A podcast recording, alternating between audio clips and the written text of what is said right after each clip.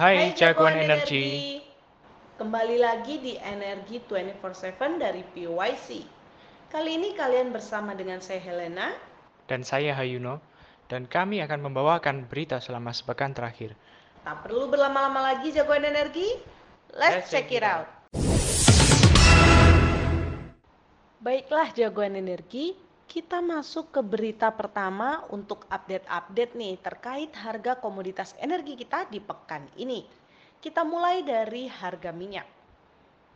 Rata-rata Indonesian Crude Price atau ICP kita di minggu ini masih mengikuti ICP di bulan Januari 2023 lalu, yaitu sebesar 76,66 US dollar per barel. Kemudian untuk West Texas Intermediate atau WTI saat ini berada di kisaran 74,25 US dollar per barel. Sementara untuk harga minyak Brent saat ini berada di kisaran 80,91 US dollar per barel per tanggal 23 Februari 2023. Kemudian bagaimana nih dengan harga batu bara kita? Per 23 Februari 2023, harga batu bara acuan yaitu 277,5 US dollar per ton. Kemudian untuk Newcastle coal price kita berada pada level 209 US dollar per ton. Nah, selanjutnya jagoan energi semua akan update nih terkait minyak dan gas bumi.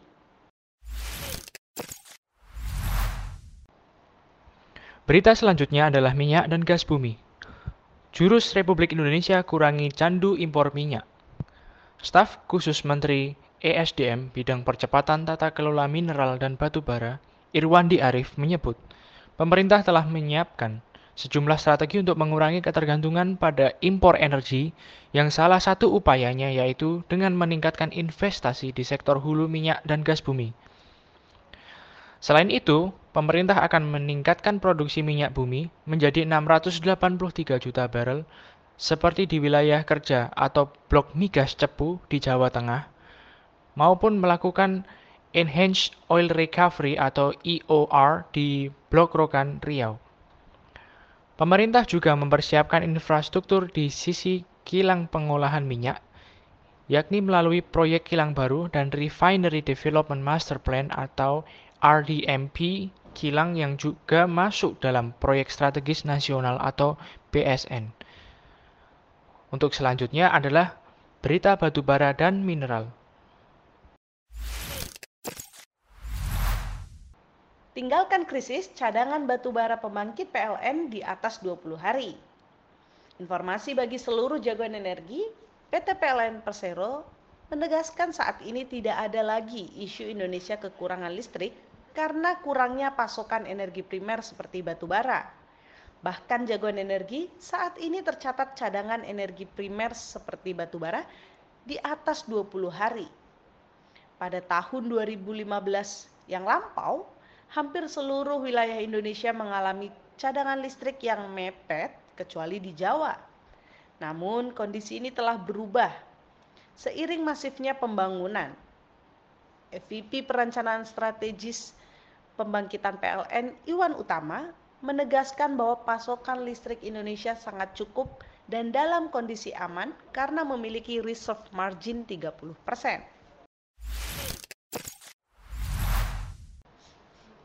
Berita selanjutnya adalah energi baru dan terbarukan. Peran milenial dalam membantu pengembangan energi baru terbarukan.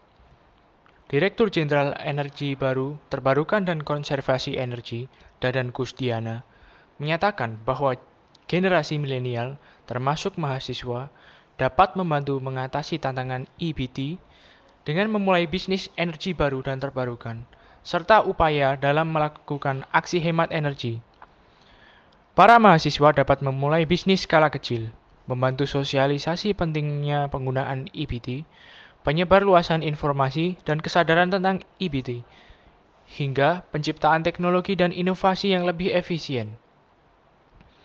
Hal ini dikarenakan generasi tersebut merupakan generasi yang memiliki pemikiran dan sikap progresif terhadap lingkungan dan menyadari betapa pentingnya energi bersih untuk masa depan. Wah, tidak terasa ya jagoan energi, kita berada di penghujung berita kita di pekan ini dari sektor kelistrikan. Indonesia kini capai rekor baru dalam hal konsumsi listrik.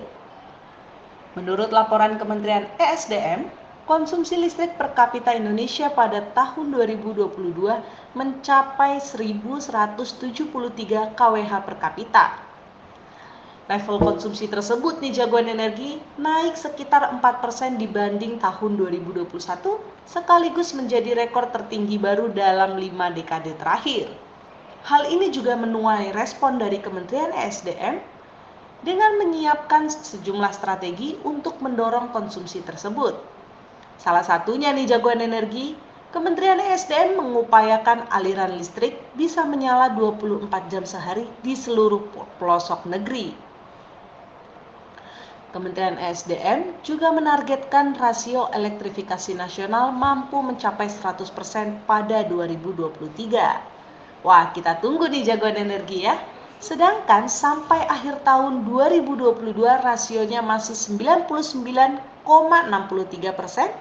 dengan sekitar 318.000 rumah tangga yang belum mendapat akses listrik.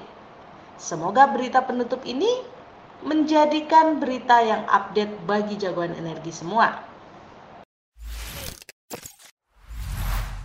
Sekian warta seputar energi di pekan ini. Baiklah, bagi seluruh jagoan energi yang ingin mengetahui berita-berita terkait energi dan acara-acara yang relevan dengan bidang energi, ayo semua jagoan energi follow media sosial kami ada di Instagram, di Twitter, di Facebook, di LinkedIn, dan jangan lupa untuk subscribe YouTube channel kami.